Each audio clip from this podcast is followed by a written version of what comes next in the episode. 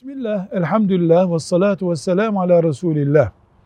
Kardeşimiz merak etmiş diyor ki yatsı namazını kıldıktan sonra oturmak haram mıdır? Çok ısrarla yatsıdan sonra oturulmaz deniyor. Haram demiyoruz. Yatsı namazını kıldıktan sonra vakit israf ediliyorsa, sabah namazı risk altına alınıyorsa oturmak mekruhtur, doğru değildir diyoruz.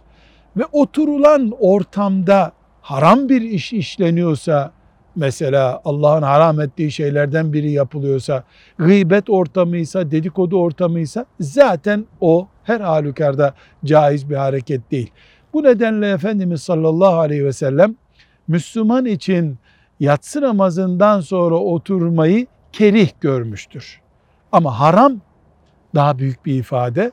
Yatsıdan sonra oturmak haramdır denemez. İlim talebesi oturabilir, uzun bir yolculuktan gelen misafir oturabilir. Oturmak yasak değil, vakit israf etmek haram. Sabah namazını tehlikeye koymak tehlikeli. Velhamdülillahi Rabbil Alemin.